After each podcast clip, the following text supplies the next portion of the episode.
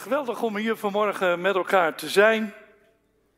Het is een bewogen week geweest. Amerika is uh, veel gebeurd. En wat me het meeste raakte was dat er nog gebeurde in de naam van christelijkheid. Het is goed met elkaar vanmorgen zelf over na te denken. Wat is nou mooi en wat is nou eigenlijk lelijk? Want de Bijbel heeft daar andere ideeën over dan dat wij dat hebben. En daarom wil ik graag met jullie wat gaan lezen uit Genesis 6 vanaf vers 1. Genesis 6 vanaf vers 1. Toen de mensen zich op de aarde begonnen te vermenigvuldigen en hun dochters geboren werden, zagen de zonen Gods dat de dochters der mensen schoon waren. En ze namen zich daaruit vrouwen wie ze maar verkozen. En de Heere zeide, mijn geest zal niet altoos in de mens blijven, nu ze zich misgaan hebben. Hij is vlees. Zijn dagen zullen 120 jaar zijn. De reuzen waren die dagen op de aarde en ook daarna, toen de zonen Gods tot de dochter der mensen kwamen en ze hun kinderen baarden. Dit zijn de geweldigen uit de voortijd, mannen van naam. Toen de Heer zag dat de boosheid des mensen groot was op de aarde, en al wat de overleggingen van zijn hart voortbracht te allen tijden slechts boos was, berouwde het de Heere dat hij de mens op de aarde gemaakt had. En het smartte hem in zijn hart. En de Heere zeide, ik zal de mensen die ik geschapen heb van de aardbodem uitroeien. De mensen, zowel als het vee en het kruipend gedierte, gevolgde des hemels, want het berouwt mij dat ik hen gemaakt heb. Maar Noach vond genade in de ogen des Heren. Dit is de geschiedenis van Noach. Noach was onder zijn tijdgenoten een rechtvaardig en onberispelijk man. Noach wandelde met God. En Noach verwekte drie zonen, Sem, Gam en Jafet. De aarde nu was verdorven voor Gods aangezicht en de aarde was vol geweldenarij. En God zag de aarde aan en zie ze was verdorven. Want al wat leeft had zijn weg op de aarde verdorven. Toen zeide God tot Noach, het einde van al wat leeft is door mij besloten. Want door hun schuld is de aarde vol geweldenarij. En zie, ik ga hen met de aarde verdelgen. Wat me in de hele Bijbel opvalt is dat uh, God en de mens bij elkaar horen. Heel vaak wordt net gedaan alsof God heel ver weg is. En wij, ja, we zien elkaar hier op deze aarde. Maar ik zou willen zeggen, God is niks zonder de mensen. En de mensen zijn niks zonder God. Heel veel mensen denken dat ze God niet nodig hebben. Maar hoe kun je zonder God leven? En God heeft van de eeuwigheid beslist dat hij zonder de mens niets wil doen op deze aarde. In Psalm 8 en ook nog in andere psalmen wordt er stil bij gestaan hoe verbazend is dat God ons als mensen ziet, dat hij aandacht voor ons heeft. Dat hij belangstelling voor ons heeft. Nou, dat is de kracht van ons als mensen. De kracht is niet dat ik sterk ben. De kracht is niet dat ik mooi ben. Maar de grootste kracht is, God heeft aandacht voor mij. En dat vind ik tot de dag van vandaag onvoorstelbaar. De schepper van hemel en aarde heeft aandacht voor mij. Als ik zeg dat God niet zonder de mens wil doen, is dat toch wel bijzonder. Want hij had het makkelijk kunnen doen. Dus net als bij je kinderen. Als je je tuin wil, uh, wil goedmaken en je wil allerlei dingen veranderen en je kinderen helpen mee, dan kan je het beter zelf doen. En toch doe je het. En het is bij God precies hetzelfde. De meerwaarde om het met de mens te doen is bij God zo ontzaglijk groot. U en ik zijn bestemd om partners en compagnons van God te zijn. Ik zeg altijd, het bedrijf van God, dat heet Schepper en Co. Ik durf nog meer te zeggen, wij zijn Gods toeverlaat op deze aarde. Als God allerlei dingen van plan is, dan zegt hij, ja, eigenlijk kan ik het niet maken door het niet tegen Abraham te zeggen. Is dat niet fantastisch? Dus de schepper van hemel en aarde vindt het gewoon niet toelaatbaar dat hij zijn vrienden niet allerlei dingen vertelt. Nou, daarom is niet alleen maar in het paradijs de stem van God geweest, waar ben je, maar dat is tot vandaag toe. We zijn druk met van alles, maar God zegt, waar ben je? Ik wil je gebruiken. Ik heb je nodig. Want God is op zoek. Wij denken altijd dat wij op zoek zijn naar God. Maar God is nog meer op zoek naar ons. God is altijd op zoek naar de juiste mens, op de juiste plaats, op het juiste moment, met de juiste motieven, vanuit de juiste gezindheid. Wil jij vanmorgen zeggen, hier ben ik, ik bied me aan? Als we naar het gezin kijken, want eigenlijk is Genesis een gezinsboek, een familieboek. En wat voor ons allemaal belangrijk is, dat is de bevestiging van onze vader. En dat geldt voor jongens, maar dat geldt ook voor meisjes. En tot de dag van vandaag is dat voor mij een van de belangrijkste dingen in het leven, hoe God naar mij kijkt wat in de ogen van God goed is en waar hij over kan glimlachen. En daarom de eerste dagbladzij van de Bijbel begint al als God iets gemaakt heeft en God keek ernaar. Oh, dat ziet er goed uit. En als hij de mens geschapen heeft en heeft alles klaargemaakt, dan zegt hij, klasse, super, gewoon. Dat is de hele Bijbel door hoor. Want als Jezus op aarde komt als mens, niet verwekt door een mens, maar door de Heilige Geest, dan zegt God weer precies dezelfde dingen. Het is alsof God de draad weer oppakt. Hij zegt, jij bent mijn zoon. Jij bent de geliefde. In jou heb ik me wel behagen. Dus een vader is heel belangrijk. En het is niet voor niks dat in deze maatschappij vaders gewoon onder het kleed worden geschoffeld. Een maatschappij kan niet zonder vaders. Want een vader gaf zijn kinderen de naam. Lamech gaf Noach de naam Noach, wat betekent troost. Jij zal troost bieden aan deze generatie. Dus de naam die een vader aan zijn kinderen geeft, is heel belangrijk. Heel vaak is dat al profetisch. En het zegt iets over de interesse die een vader in zijn kinderen heeft. Wat leuk is. Ah, ja. Wat leuk is dat Lucas 3, vers 38 Adam de zoon van God noemt. dat is in het Oude Testament wordt dat nergens zo letterlijk gezegd, maar in het Nieuwe Testament wel. Dus God is vanaf het begin een vader geweest. God heeft de aarde niet geschapen om te bewijzen dat hij almachtig is, maar vanaf het begin van de Bijbel trekt God samen op met de mens. En de mens met God. Begin van de Bijbel, daar begint de geschiedenis van de mens met God en van God met de mens. Een open boek voor elkaar. Geweldig. God wandelde in het paradijs maar Genesis 5 zegt dat hij met Henoch wandelde en Henoch met God. En hier lezen we dat Noach met God wandelde. Nou, dit is een beetje een. Uh...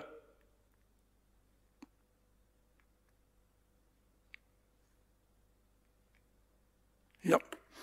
Het is een beetje een wonderlijk gedeelte waar veel over gefilosofeerd is. Wie zijn nou die zonen van God? Nou, sommigen zeggen koningen, rechters. De nieuwe vertaling, de MBV, helaas vertelt de zonen van goden. Slecht vertaald. Maar dat komt omdat men denkt aan Job 1, waar gesproken wordt over de zonen van God. Maar weet je, de Bijbel is niet zoiets als de Griekse mythologie. De Bijbel is niet een raar verhaal waar engelen gemeenschap hebben met vrouwen. Waanzinnig. Jezus zegt, engelen die trouwen niet. Engelen hebben daar geen behoefte aan. Daar zijn ze niet mee bezig. En boze geesten die het in de hersenzaal om zich daarmee bezig te houden, zijn onreine geest. Maar de zonen van God in dit Bijbelgedeelte, dat zijn mensen. Want de mensen moeten de keuze maken wat ze met hun leven willen. En daarom, overal in de Bijbel zijn de zonen van God, dat zijn mensen. Die vol zijn van de Heilige Geest. De Bijbel noemt de Heilige Geest de geest van het zoonschap. Dus Adam was een zoon van God. En wij als mensen zijn zonen van God. We zijn bestemd om deelgenoten en compagnons van God te zijn. God wil op aarde niets doen zonder jou en mij. Oh, hij gaat veel te ver.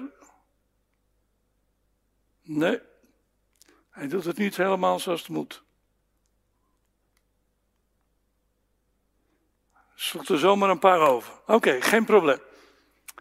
In Genesis 1 lezen we dat God tegen de mens zegt dat ze zich moeten vermenigvuldigen. Er zijn nooit engeltjes geboren, dat is leuk hè? Je hebt nooit een geboortekaartje van een engel gehad. Maar wel van de mens. Maar God had net zo makkelijk de mens ook meteen in één keer in menigte kunnen scheppen hoor. Geen probleem. Als hij ontelbare hoeveelheden engelen kan scheppen, kan hij ook ontelbare hoeveelheden mensen scheppen. Maar dat doet hij niet. Want hij zegt tegen de mens, jij mag me helpen. Het is mijn bedoeling dat jij kinderen tevoorschijn brengt. En die kinderen zijn niet alleen maar kinderen van God, ze zijn kinderen voor God. En de bedoeling is dat er zoveel komen dat de aarde vol zal zijn van de heerlijkheid van God. Wat me opvalt is dat de Heilige Geest voor de zondeval de belangrijkste persoon op aarde was. De Heilige Geest is de verbinding met de onzichtbare God. De bedoeling van God was dat de aarde de uitbreiding van de hemel zou zijn. En de mens zou een keuze moeten maken. Welke keuze maak ik? Wil ik leven als een zoon van God? Wil ik leven als een compagnon van God? Wil ik dat doen wat God van mij vraagt? Of ga ik mijn eigen gang? Wil ik een heilig leven leiden? Wil ik een rein leven leiden? Of doe ik mijn eigen gang? En als je eigen gang gaat, word je een rebel. Of dat nou aardig is dat het gezegd wordt of niet. Maar dat is wel de realiteit.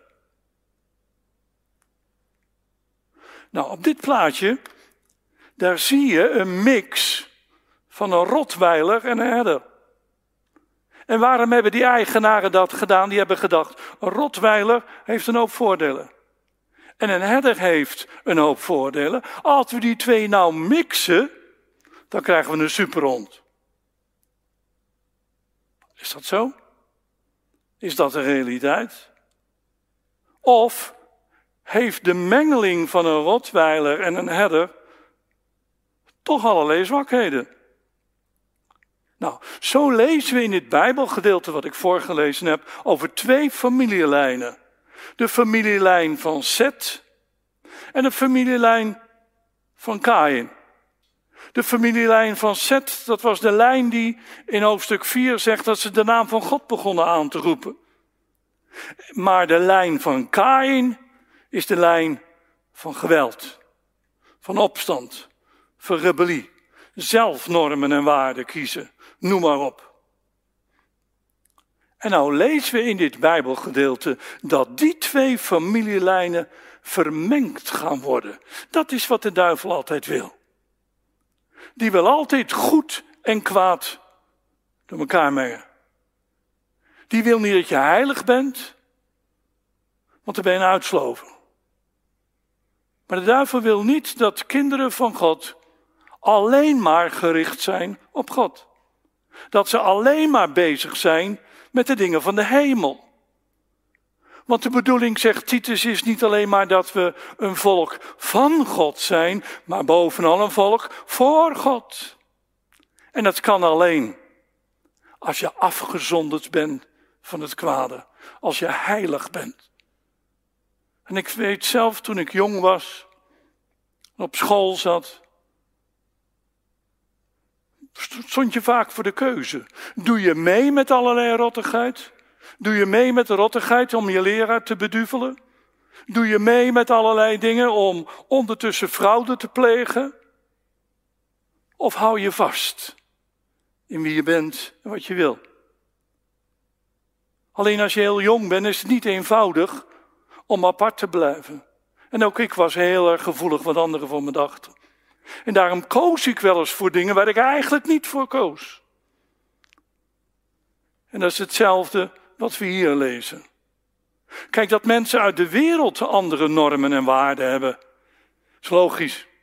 Ik sta er vaak verbaasd over hoe christelijke partijen proberen niet-christelijke mensen te veranderen. Moet je helemaal niet willen. Want christelijkheid is niet wat een ander je oplegt, dat is een keuze. Je kunt alleen maar Jezus volgen omdat je ervoor kiest. Niet omdat het moet. Niet omdat je gemanipuleerd wordt. Niet omdat twee dingen door elkaar gehaspeld worden. Want in het koninkrijk van God kan dat gewoon niet. God is een God uit één stuk. God is niet een God die mixt. Dat doen mensen. Alleen als je gaat mixen heb je altijd een probleem. En in dit gedeelte zien we al wat er gebeurt als je twee lijnen door elkaar gaat laten lopen. Want heiligheid is niet braaf zijn. Heiligheid is niet ouderwet zijn, maar heiligheid is fantastisch. Volk van God zijn. Het geheim van het volk van God. Maar door de zondeval gingen mensen anders naar de wereld kijken. Ze gingen de wereld niet meer door de ogen van God zien, maar de wereld zien door de ogen van mensen. En het verschil tussen waarheid en leugen werd steeds minder. Maar God had al lang een patroon neergezet, al in het begin van Genesis. En het patroon is niet dat de man op zoek gaat, en het patroon is niet dat de man een vrouw neemt, hij krijgt een vrouw. En niet een heleboel, één genoeg. Een uniek gezelschap. Een verbond. Bij elkaar horend. Adam aanbad zijn vrouw niet en hij vernederde haar niet. Want hij had zijn vrouw immers van God gekregen. Een geschenk van God. En je gaat de geschenk van God toch niet vernederen? En je gaat de geschenk van God toch niet aanbidden? Dan aanbid je God. Dat was het principe van het begin van Genesis. Eva was een mooie vrouw.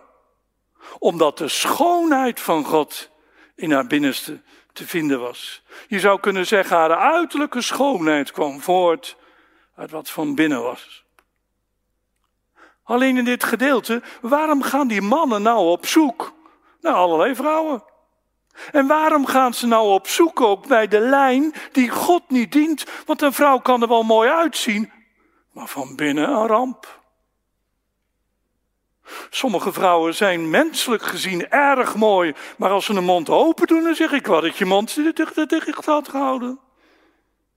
Want schoonheid is niet wat aan de buitenkant te vinden is. Schoonheid heeft met het hart te maken. Het hart wat op God gericht is. Het hart wat vanuit de ogen van God kijkt. En je kan mooi aan de buitenkant zijn, maar als de binnenkant niet mooi is, het vloekt met elkaar. Alleen het waardeloze was dat de mannen, die zonen van God, die zijn ook iets kwijtgeraakt. Want die zonen van God, die kijken naar de buitenkant. En ze denken, nou, is niet gek. Nou, leuke meid. Die kan ik wel nemen. Maar een zoon van God hoort zo niet te denken. Een zoon van God kijkt niet naar de buitenkant. En tot de dag van vandaag is het zo. Heel veel mannen, omdat ze niet bevestigd zijn door de ogen van God, Omdat ze niet bevestigd zijn door een eigen vader, door een aardse vader, voelen ze zich minderwaardig. En ze zoeken een bevestiging bij vrouwen. En de zonen van God namen, ze kregen ze niet, ze namen, omdat ze op zoek waren naar bevestiging. Veel mannen zijn op bezoek, zijn op zoek naar bevestiging. En ze aanbidden het vrouwelijke, alsof het vrouwelijke een soort afgod is. Maar zonder dat je het door hebt. Wat is een vrouw? En Johannes 2 zegt, de begeerte van het vlees, de begeerte der ogen en een hoogmoedig hart, dat zijn de valkuilen voor een mens. Maar deze zonen van God, terwijl ze eigenlijk geleid moesten worden door de Heilige Geest, waren diep onder de indruk van het uiterlijk van deze vrouwen. Maar Spreuken zegt al, begeer haar schoonheid niet. En deze vrouwen laten zich dat heerlijk welgevallen. Ze laten zich gemakkelijk veroveren, want wat is er heerlijker dan om begeerd te worden? Maar uiterlijke schoonheid, zonder de tooi van een zachtmoedige en stille geest, stelt niks voor. Je wordt verslaafd aan je eigen schoonheid. Je wordt verslaafd aan je eigen uiterlijk. Dus de zonen van God gingen een grens over, want ze hadden moeten zeggen: Wat heb ik nou gemeen met iemand die God niet in? En dat is waar, ik sta er nog steeds verbaasd door hoe vaak kinderen van God trouwen met een niet-kind van God. Wat heb je er gemeen mee? Al is ze nog zo mooi als wat, wat heb je eraan? Een leven duurt lang hoor. En waarom moet je je identiteit in mooie vrouwen zoeken? En waarom moeten vrouwen een identiteit in sterke, stoere mannen zoeken? Want je bent op zoek naar Vader God. Daar ben je naar op zoek. En wie je aanbidt, dat word je. Veel mannen aanbidden mooie vrouwen. Nou, ze worden als vrouwen. In de Bijbel wordt heel vaak dat zo uitgedrukt, dat mannen als vrouwen werden. Dat wil zeggen, ze verliezen het doel uit het oog. En vrouwen vergeten dat niet mannen hen moeten bevestigen, maar Vader God. En je eigen vader. Vergeet nooit dat een van onze dochters, dat hij ergens heen moest. Hij had net ruzie met me gemaakt. En toen ging ze de deur uit en zei, pap, hoe zie ik eruit? Duidelijk, had bevestiging nodig. Mannen en vrouwen hebben beide bevestiging nodig. En niet je schoonheid aan de buitenkant, maar de schoonheid van Vader God. Ik hou van dat lied, eindeloos mooi. Vroeger hadden we een opwekking in een koor. U, u bent wonderschoon, oh Heer. Weet je, wij hebben zo weinig stilgestaan bij wat echte schoonheid is. Naama uit hoofdstuk 4 was waarschijnlijk een schoonheidskoningin. Maar wat wil je? Waar wil je op lijken? Wat is de bedoeling van God? In Handelingen 7 staat van Mozes, hij was schoon voor God. En het was niet zo dat de moeder van Mozes dacht, oh hij lijkt echt op mij. Of die vader dacht, oh net zijn vader. Nee, hij was schoon voor God aantrekkelijk voor God. Er was iets in hem wat van begin af aan aanwezig is om God te verheerlijken. God wist wat hij deed. En vanaf het begin was er iets in hem te zien wat geen mens op dat moment al in hem zag. Want God is altijd op zoek naar reine, heilige mensen. God is op zoek naar mensen die zijn compagnon kunnen zijn. God is op zoek naar integere mensen die de eer van God zoeken. Jeremia 9 zegt dat het hoogste goed bij de mens is wijsheid, rijkdom en macht. Nou, in dit gedeelte zie je ook dat Heilige Geest en macht en geweld tegenover elkaar staan. Iemand die niet geleid wordt door de Heilige Geest gaat methoden gebruiken die uit geweld voortkomen. Manipulatie, intimidatie, noem maar op. Allerlei gekke dingen, wat we helaas van de week ook gezien hebben. Idiote dingen allemaal. Maar een mens die niet door de Heilige Geest geleid wordt, gaat door een andere geest geleid worden. Een geest van geweld en van onreinheid. Een geest die zichzelf omhoog drukt. Een geest die niet wil dienen, maar een geest die wil heersen.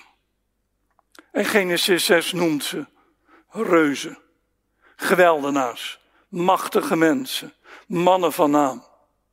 Mensen die diepe indruk maken. Dus je zou kunnen zeggen, de mengeling van de familielijn van Zet en de familielijn via Kain bracht een geslacht voort van reuzen. En dan zijn we als mens onder de indruk van reuzen. Toen ik heel klein was, woonde ik in Rotterdam.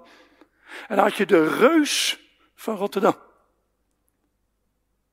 In die tijd was die erg lang. Maar weet je wat het waardeloze was? Hij is volgens mij niet oud geworden. Want terwijl hij aan de buitenkant krachtig en sterk was, was hij lichamelijk zwak. En dat is precies het principe. Zodra ik de dingen van God wil vermengen met de dingen die niet van God zijn, krijg je niet superdingen. Krijg je zwakheid, slechtheid, geweld, onreinheid, allerlei dingen die gewoon niet passen in het koninkrijk van God. Want Zachariah 4 zegt dat het niet door kracht, noch door geweld, maar door de Heilige Geest is. Zonde en geweld gaan hand in hand met elkaar. Bij gebrek aan de Heilige Geest maak je gebruik van een andere geest.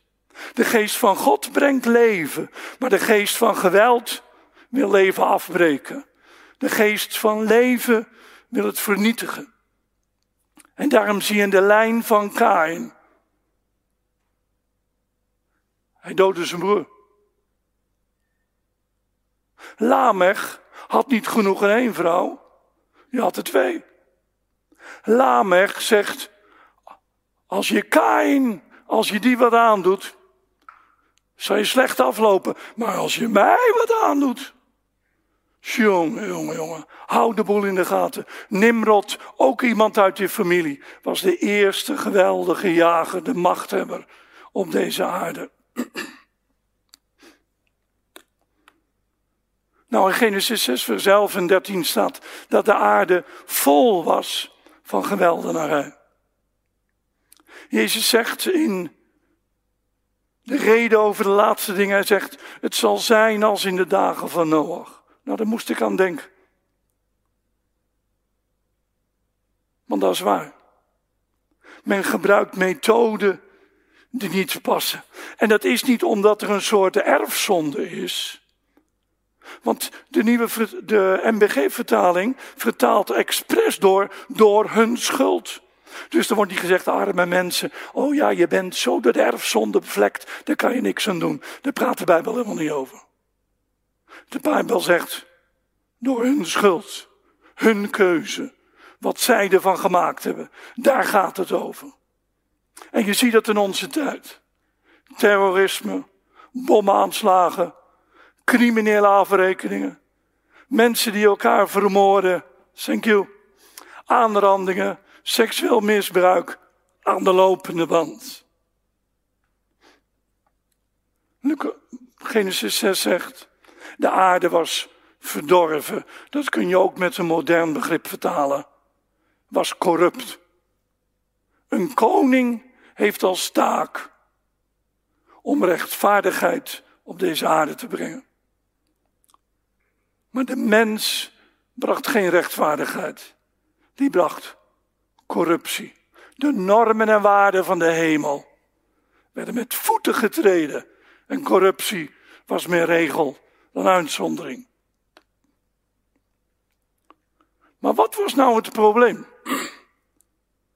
Wij denken vaak dat de daden het probleem zijn. Maar daden komen ergens uit voort.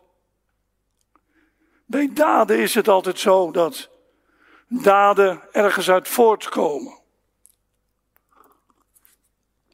En de Bijbel heeft het hier over de overleggingen van het mens, zijn hart. De herziene statenvertaling heeft het over gedachtenspinsels. Je gedachtenleven, daar gaat het over. Ik heb net gezegd, wat je aanbidt, dat word je. Maar het heeft alles te maken zoals je denkt. Zoals je denkt, zo ben je. Waar een mens constant naar kijkt, dat wordt hij. Waar een mens mee bezig is, dat vervult je gedachtenleven. Als het niet gecorrigeerd wordt door de Heilige Geest. Want in je gedachten vorm je een beeld. En dat beïnvloedt je leven. Voor ons geldt precies hetzelfde. Wij moeten oppassen dat we niet overal naar daden kijken. In Nederland is tegenwoordig zo, als er iets fout gaat, dan verzinnen we een nieuwe wet en die wet moet daden onder controle houden. Maar er wordt niet naar de bron gekeken, want de bron zijn niet de daden, de bron zijn de gedachten. Is het hart waarvanuit het voortkomt. Want verkeerde gedachten worden verkeerde daden. Verkeerde daden vormen verkeerde gewoonten. En verkeerde gewoonten vormen een verkeerde gezindheid.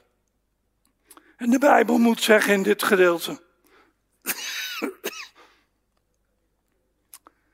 Het denken van de mens, dat is slecht. Dat is het probleem. Daar gaat het over. Weet je, als mensen die met God geen rekening houden, dingen verkondigen die niet passen in, in de theologie van de hemel, dat is daar aan toe. Maar het is erger als de zonen van God dat doen.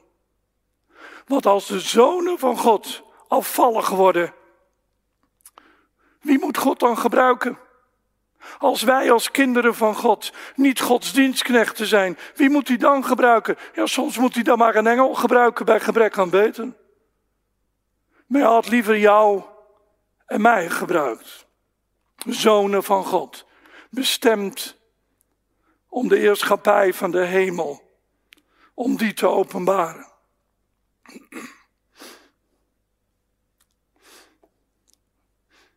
Oh, ging veel te hard. Juist. En dan treft me een gedeelte. Het verdriet van God. Heb je daar wel eens over nagedacht? Als mens benadrukken wij altijd waar wij verdriet van hebben. Zeggen, oh, daar heb ik zo'n verdriet van. Heb je er wel eens over nagedacht? Waar God verdriet van heeft. Tears of heaven. Heb je daar wel eens over nagedacht? Eigenlijk zegt dit gedeelte, het deed God zeer in zijn hart. Dus als God al die dingen ziet die op de aarde gebeuren, heeft hij diep verdriet. Want weet je wat de wil van God is? Dat hij net als bij Job kan zeggen, zo, heb je hem gezien? Niemand op aarde is als hij. Maar Ezekiel zegt, al zou je Noach, al zou je Job, al zou je alle coryfeeën van het Oude Testament erbij halen. Ze zouden alleen maar zichzelf redden, maar jou niet. Weet je, het doet God zeer als hij kijkt naar de kinderen van God, die vermengd zijn, die een mix in hun leven hebben. Want God is geen afstandelijke God, maar een betrokken God. Een God die wil dat we in zijn tegenwoordigheid leven. Niet een mens die een ander het leven beneemt, maar een ander het leven brengt. Nog zo'n opmerking. Het raakte me opnieuw diep. De MBG-vertaling zegt dat God zegt, dat is zijn conclusie, mijn geest zal niet altoos in de mens blijven. Dat woord blijven, zijn wat vragen over. Daarom zien er staat de vertaling zegt, mijn geest zal niet voor eeuwig twisten, ruzie zoeken, strijden met de mens. En dit laat zien hoe het bij God is. Denk je dat wij als mens bestemd zijn, dat God constant in gevecht met jou en mij is? Dat hij constant om aandacht moet vechten? Dat hij ermee bezig moet zijn hoe wij met van alles en nog wat ons hart vullen en niet met hem? Denk je dat God er blij mee is om constant in gevecht met de mens te zijn? Nee, natuurlijk niet. En God zegt, de mens zal niet voor altijd op de aarde leven. 120 jaar, hooguit. Als je erg gezond bent, dan zijn er soms mensen die heel erg oud worden. Maar God zegt 120. Oké. Je krijgt 120 jaar om je te bekeren. 120 jaar om te reageren op God. Is dat genade of niet? 120 jaar, dat is wat. Maar sommige mensen, zelfs op hun sterfbed, zeggen ze nog niet: Jezus, ik heb u nodig. God zegt: Ik wil niet met de mensen in gevecht zijn. Fantastisch. Het heeft me opnieuw diep geraakt. God wil dus niet met ons vechten.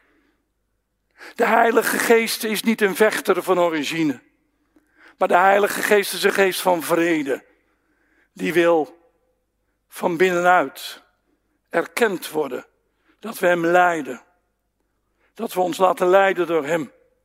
Maar waar de Heilige Geest verdwijnt, daar komt gewelddadigheid voor in de plaats. Het geweldige is dat God een verbondsgod is.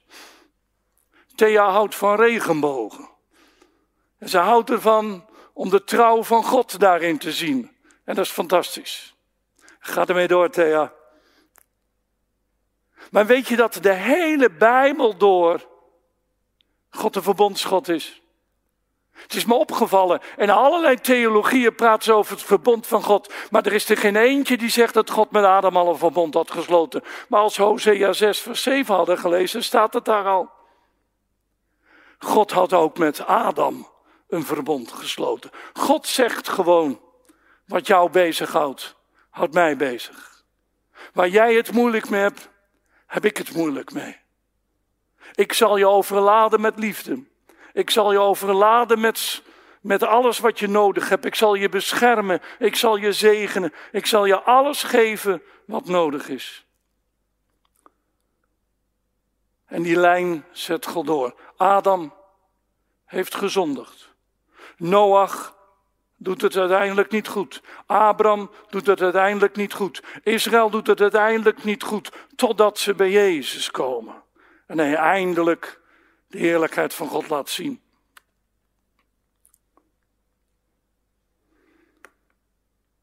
Heel veel mensen denken dat God in het Nieuwe Testament pas genadig begint te worden, maar dat is niet waar. Want hier in dit Bijbelgedeelte wordt voor het eerst rekening gehouden met de genade van God. En dan staat er, en Noach vond genade in de ogen van de Heer. Maar je kan ook vertalen, Andersom. Noach vond genade, maar weet je wat misschien al wel mooier is? Genade vond Noach. Want genade is altijd op zoek. Genade wil zichzelf openbaren. Het is niet alleen maar voor de enkeling. Dat lijkt in dit verhaal zo. Maar God wil zo graag genadig zijn. Dat is gewoon zijn persoonlijkheid. Hij kan niet anders. Hij wil niet anders.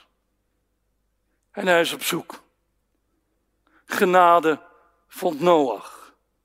En het mooie is dat hij niet alleen maar zichzelf redde, hij redde ook zijn vrouw en zijn kinderen. Want genade is niet alleen maar voor de enkeling bedoeld, de genade, hoe meer, hoe beter. Hij vond genade in de ogen van God. Hij was de nieuwe Adam en God geeft aan Noach dezelfde belofte als een Adam. En dan komen we op een belangrijk punt. Noach wist dat. En de Bijbel zegt dat Noach onder zijn tijdgenoten een rechtvaardig en onberispelijk man was. Dan denk je natuurlijk, oh, dan kan ik wel naar huis toe gaan. Onberispelijk man. Ja, het is maar hoe je opgevoed bent. Want jij denkt dat onberispelijk is, geen fout te maken. Nou, dan kunnen we beter de tent sluiten. Maar onberispelijk in Hebreeuws en in Bijbelse zin is niet zonder fouten zijn.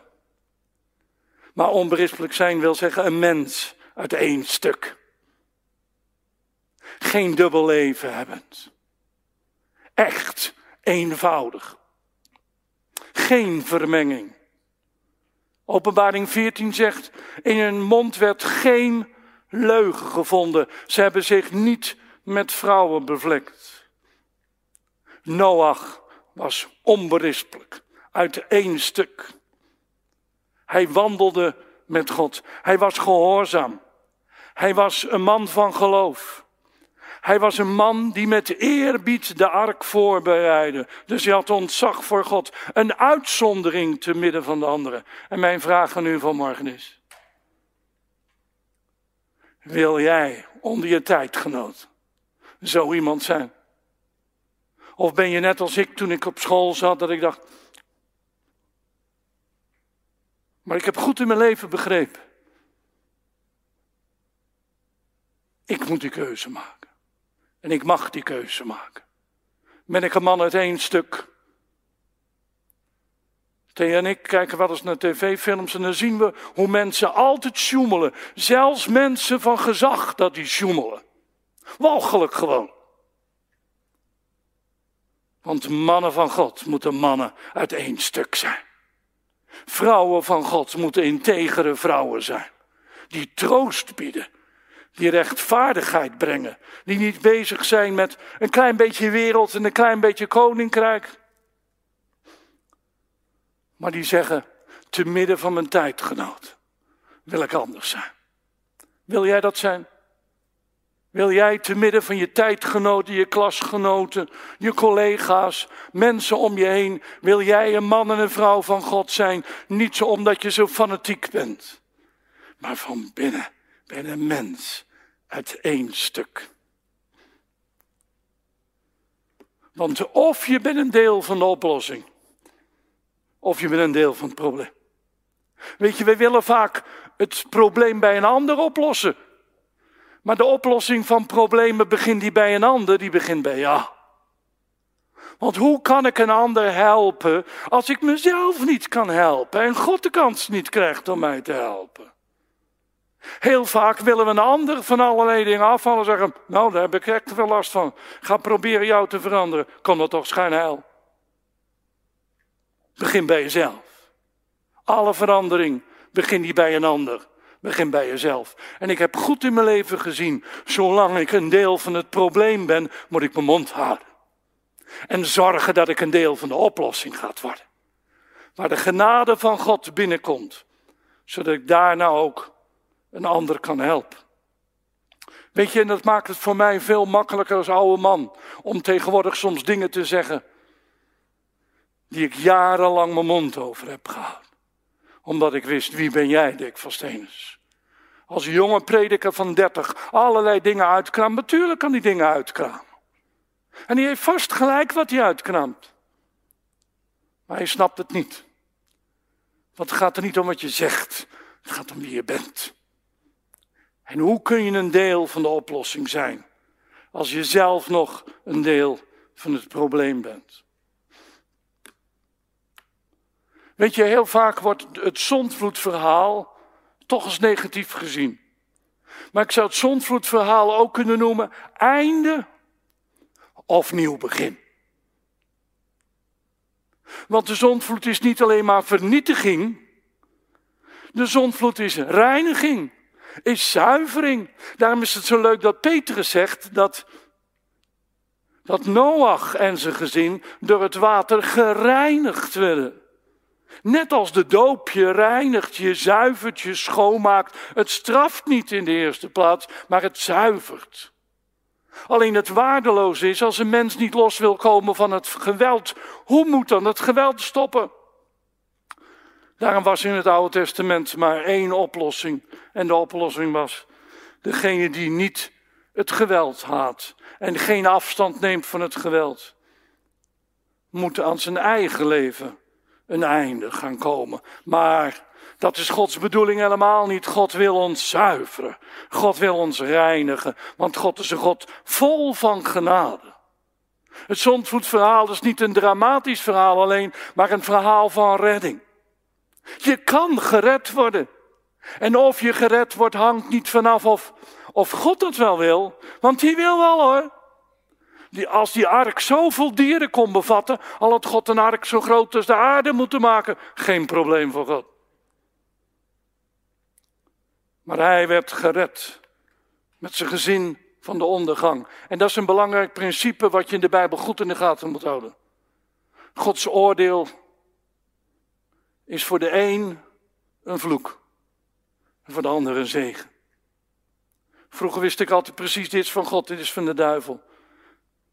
Maar het is niet altijd duidelijk. Want het geldt erom, wie ben ik? Waar heb ik deel aan? Heb ik deel aan de goede dingen van God? Of heb ik deel aan de dingen van God die helemaal niet voor me bestemd zijn? Noach was uiteindelijk niet de oplossing. We hebben net kerst met elkaar gehad. Josaja 9, een geweldig Bijbelgedeelte. Wat zegt Josaja 9? Want een kind is geboren. Nee, want een kind is ons geboren. Een zoon is niet gegeven, is ons gegeven. En die heerschappij is op zijn schouder, enzovoort, enzovoort. Dus aan de ene kant was Jezus een klein kind. Afhankelijk, totaal afhankelijk in alle dingen. En wij vinden dat vaak een schande. Maar dat was de grootste vreugde voor Jezus. Afhankelijk te zijn. En tegelijkertijd was hij een zoon. Een krachtig man. Weet je, ik haat die plaatjes in de kinderbijbels en, in de bij en op internet vaak waar Jezus afgebeeld wordt als een of andere zo'n slapjanus. Sorry voor de uitdrukking. Alsof Jezus een slapjanus was, die alles maar goed vond. Had je gedroomd. Aan de ene kant was hij afhankelijk van zijn vader, aan de andere kant was hij een krachtige man. Een mens die in het aangezicht van zijn hemelse vader kijkt. Dat worden krachtige mannen. Die durven op te treden als het nodig is. En als kerk zullen wij ook de komende jaren gaan zien. Wij zijn niet een kerk om iedereen te vriend te houden. Soms moeten wij een duidelijk geluid laten durven horen. Moeten we bereid zijn mannen van God te zijn. Die onze mond open doen. Want het is nodig. Jezus had de geest van het zoonschap. En het wonderlijk is, in, in Genesis 6 staat dat de geest niet op hen kon blijven. Maar het leuke is bij Jezus, Johannes 1 staat. En de geest kwam op hem. En die bleef op hem. Tot de dag van vandaag. Hij is nog steeds vol van de Heilige Geest. Daarom is Jezus geboren buiten elke seksuele gemeenschap om. De zoon van God. Geweldig. Wat een kracht. Wat een power. Maar iemand die zich zo afhankelijk van de Vader opstelt, die kan heersen. Daar hoef je niet bang voor te zijn. Toen ik aan het bestuderen was, toen viel me dat op, dat in Jesaja 9 voor Jezus hetzelfde woord gebruikt wordt, wat ook in Genesis 6 gebruikt wordt. Want die geweldenaren, die mannen van naam Giborim, hoe wordt Jezus genoemd in Jesaja 9? El Gibor. De machtige, de held, de sterke.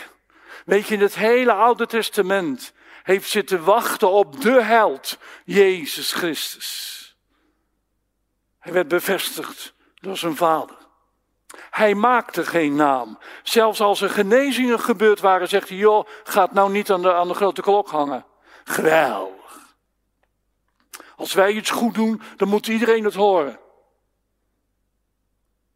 Maar ik heb goed begrepen, Jezus deed het zo niet. Een ander hoeft het allemaal niet te horen wat wij doen. De hemel, die zal verklaren wat we goeds gedaan hebben. En dat geeft me rust in mijn leven. Vroeger had ik ook de neiging om alles van me rond te bezuinen, te zeggen wat ik allemaal deed. Want een ander deed het niet, dan deed ik het zelf maar. Maar dat was Dick van Steenens. Oude Dick van Steenens. Vlees. Geen geest. Want de held, die staat niet op en die roept niet overal en die zegt niet, kijk allemaal naar mij. Ik ben de zoon van God. Integendeel. Hij was bereid te sterven voor jou en voor mij. Reputatie, het deed er niet toe. De dood van een slaaf, die stierf Jezus. Korinthe zegt zo mooi, hij stierf uit zwakheid. Hij gekruisigt uit zwakheid, maar hij leeft uit de kracht van God. Maar als je het over mooi hebt, Jezus. Weet je, we hebben alle uitdrukkingen over Jezus. Oh, oh. Eindeloos mooi. Als je dan toch over schoonheid hebt. Dat was Jezus. En wat was de schoonheid van Jezus? Niet dat hij brede spierballen had. En dat hij elke week in de sportschool zat. Maar dat was mooi. Omdat Jezaja zegt, zijn lust was in de vrezen des Heren. De nieuwe vertaling zegt dat wel heel mooi. Ontzag voor God was zijn lust en zijn leven. Jezus was niet bezig om zichzelf te promoten of te verdedigen. Integendeel. Jezaja 53 zegt, hij heeft zijn schoonheid ingeruild voor onze lelijkheid. En alle dingen die van binnen en van buiten afschuwelijk aan ons zijn. Jezus had gestalte nog luister dat we hem zouden hebben begeerd. Hij was veracht, van mensen verlaten, zo lelijk. Veel mensen kunnen het niet aan om naar die film te kijken van The Passion. Maar jullie weten, dat is een van mijn favoriete films. Het is inderdaad niet om aan te zien. Maar zo is het geweest. Jezus heeft jouw lelijkheid, heeft hij op zich genomen. Zodat je mooi kan worden. Eindeloos mooi. Daarom heb ik ook gevraagd of dit lied, van mij mag je dat een half uur zingen. Want het heeft mijn hart. Eindeloos mooi. Een geweldige God. Want Jezus leefde niet door geweld, maar door de Heilige Geest. Jezus is het begin van een geweldloze maatschappij. Geweldig, ik zie uit ernaar. Ik kan er slecht tegen om allerlei dingen te zien, waar de ene mens de andere mens doodmaakt. Maar Jezus is het begin van een geweldloze maatschappij. Een maatschappij waar niet de slappen het voor het zeggen hebben, waar niet vermengd wordt, maar waar de heerlijkheid van God gezien wordt. En nou voor jou en mij. Ik weet niet of je het spelletje Monopoly wel eens gedaan hebt. Er is één kaartje verlaten gevangenis zonder te betalen. Nou, dit is nou evangelie. Dit plaatje laat de gevangenis zien die leeg is. Weet je, bij heel veel mensen is het, ze vechten tegen geweld. Ze vechten er tegen dat ze niet boos worden. Ze vechten om geen onreine gedachten te krijgen. Ik ga je van tevoren zeggen, je gaat het verliezen. Want je bent nog steeds een onderdeel van het probleem. Zolang je vecht tegen dit soort dingen, en of het nou geweld, onreinheid of andere dingen is, je kan je doodvechten. Maar de oplossing is niet dat je vecht. En de oplossing is niet dat je probeert met alle macht iets niet te doen. Maar jouw oplossing is Jezus. Alleen Jezus. Ik heb ongelooflijk vaak gesproken. En achteraf zeg ik, ik had veel meer Jezus moeten brengen. Want je kan sleutelen aan jezelf, maar daar word je ziek van. Je kan bang zijn voor allerlei dingen, maar daar word je ziek van. Want de oplossing ben niet jij, dat is Jezus Christus. Verlaat de gevangenis zonder te betalen. De oplossing is niet dat je probeert vrij te komen van geweld. Ik ga je vanmorgen zeggen, je bent het al. En dat kunnen wij bijna niet geloven. Het is een prachtige film van Morgan Freeman, The Shawshank Redemption. En dan zit hij jaren in de gevangenis. En hij ziet er tegenop om vrij te komen. En dan wordt hij vrij. En ik kan zijn vrijheid niet. Het voelt zo gek. Hij maakt een einde aan zijn eigen leven. Nou, zo is bij veel kinderen van God. Wij proberen te vechten tegen van alles en nog wat. We proberen los te komen van geweld. We proberen los te komen van onreinheid. Maar het is allemaal jouw gevecht. Maar je bent nog steeds een deel van het probleem. Want Jezus is de oplossing. De deur is open. Je kan hem verlaten. Al jouw gevecht is niet nodig. Het gaat je nooit lukken. Prijs de Heer ervoor. Verlaat de gevangenis zonder te betalen. Door Jezus ben je al vrij. Alleen dat voelt niet zo. Vind ik zelf ook ingewikkeld. Hebben jullie dat ook? Als je vrij wil komen van dingen, brengt dat je duister in spanning. En je denkt, oh, oh, laat ik het maar doen. Ben ik tenminste van die spanning af. Nee. Je bent niet in spanning omdat je het verkeerde doet. Maar je doet het op de verkeerde manier. Want jij bent niet de oplossing. Maar Jezus is de oplossing. Mensen thuis die meekijken. Jezus is absoluut de oplossing. De oplossing over je gebondenheden is niet dat je eindeloos bezig bent. Oh, als ik het maar niet meer doe. De oplossing is Jezus. En dit zegt een 72-jarige man. Niet als een einde van een eindeloos gevecht. Maar wat ik gezien heb, het is echt waar. Het is alleen Jezus. Ik hoef niet mijn best doen om vrij te zijn. Ik ben het. Het voelt niet zo, maar ik ben het. En ik mag leren wandelen door de Heilige Geest in de geweldige dingen. Want vrijheid is niet een soort hersengymnastiek. Dat dacht ik vroeger ook. Nou, je moet van hoge huizen komen om hier vrij van te worden. Echt niet hoor. Bevrijding is geen hersengymnastiek. Maar bevrijding is Jezus. Hij alleen. En daarom wil ik eindigen met. Ga daarom met God wandelen. Mensen, wie je ook bent, waar je mee bezig bent. Misschien ben je depressief over allerlei dingen. Misschien heb je gedacht dat Nehemia de oplossing voor je problemen zijn. Nehemia is niet de oplossing voor je probleem. Dat is Jezus. Hij is de absolute oplossing. Laat je daarom vullen met de Heilige Geest. Ben je een opstandje die bij alles de boel kort en klein slaat? Zijn al je gezinsleden bang voor als jij boos bent, zoals het in ons gezin vroeger? Als mijn vader boos was, oh, waren we allemaal bang. Maar dat is niet de oplossing. Want ik werd erdoor, ik werd erdoor verruineerd. De oplossing over geweld is niet bang zijn voor geweld.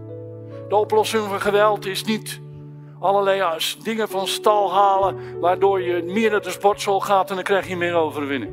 Echt niet. De oplossing is Jezus. Wandel met God. En daarom mijn vraag aan u al is: heb jij de moed om anders te zijn? Anders dan de mensen in je omgeving. Als je dat doet, je krijgt er geen spijt van. Want als we Jezus promoten in alle dingen, nou dan gaan we de hemel gewoon lekker mee door. Veel mensen denken dat eeuwig leven is een ander leven. Helemaal geen ander leven. Dat is hier begonnen. Want als ik het hier niet doe, wat wil ik straks in de hemel? Begin er hier mee. En of je nou vandaag sterft of over vijf maanden of over zes jaar of weet ik hoe lang, wat maakt het uit? Je bent goed bezig. Je bent al met het eeuwige leven bezig. Wilt u dat? Zou je willen gaan staan?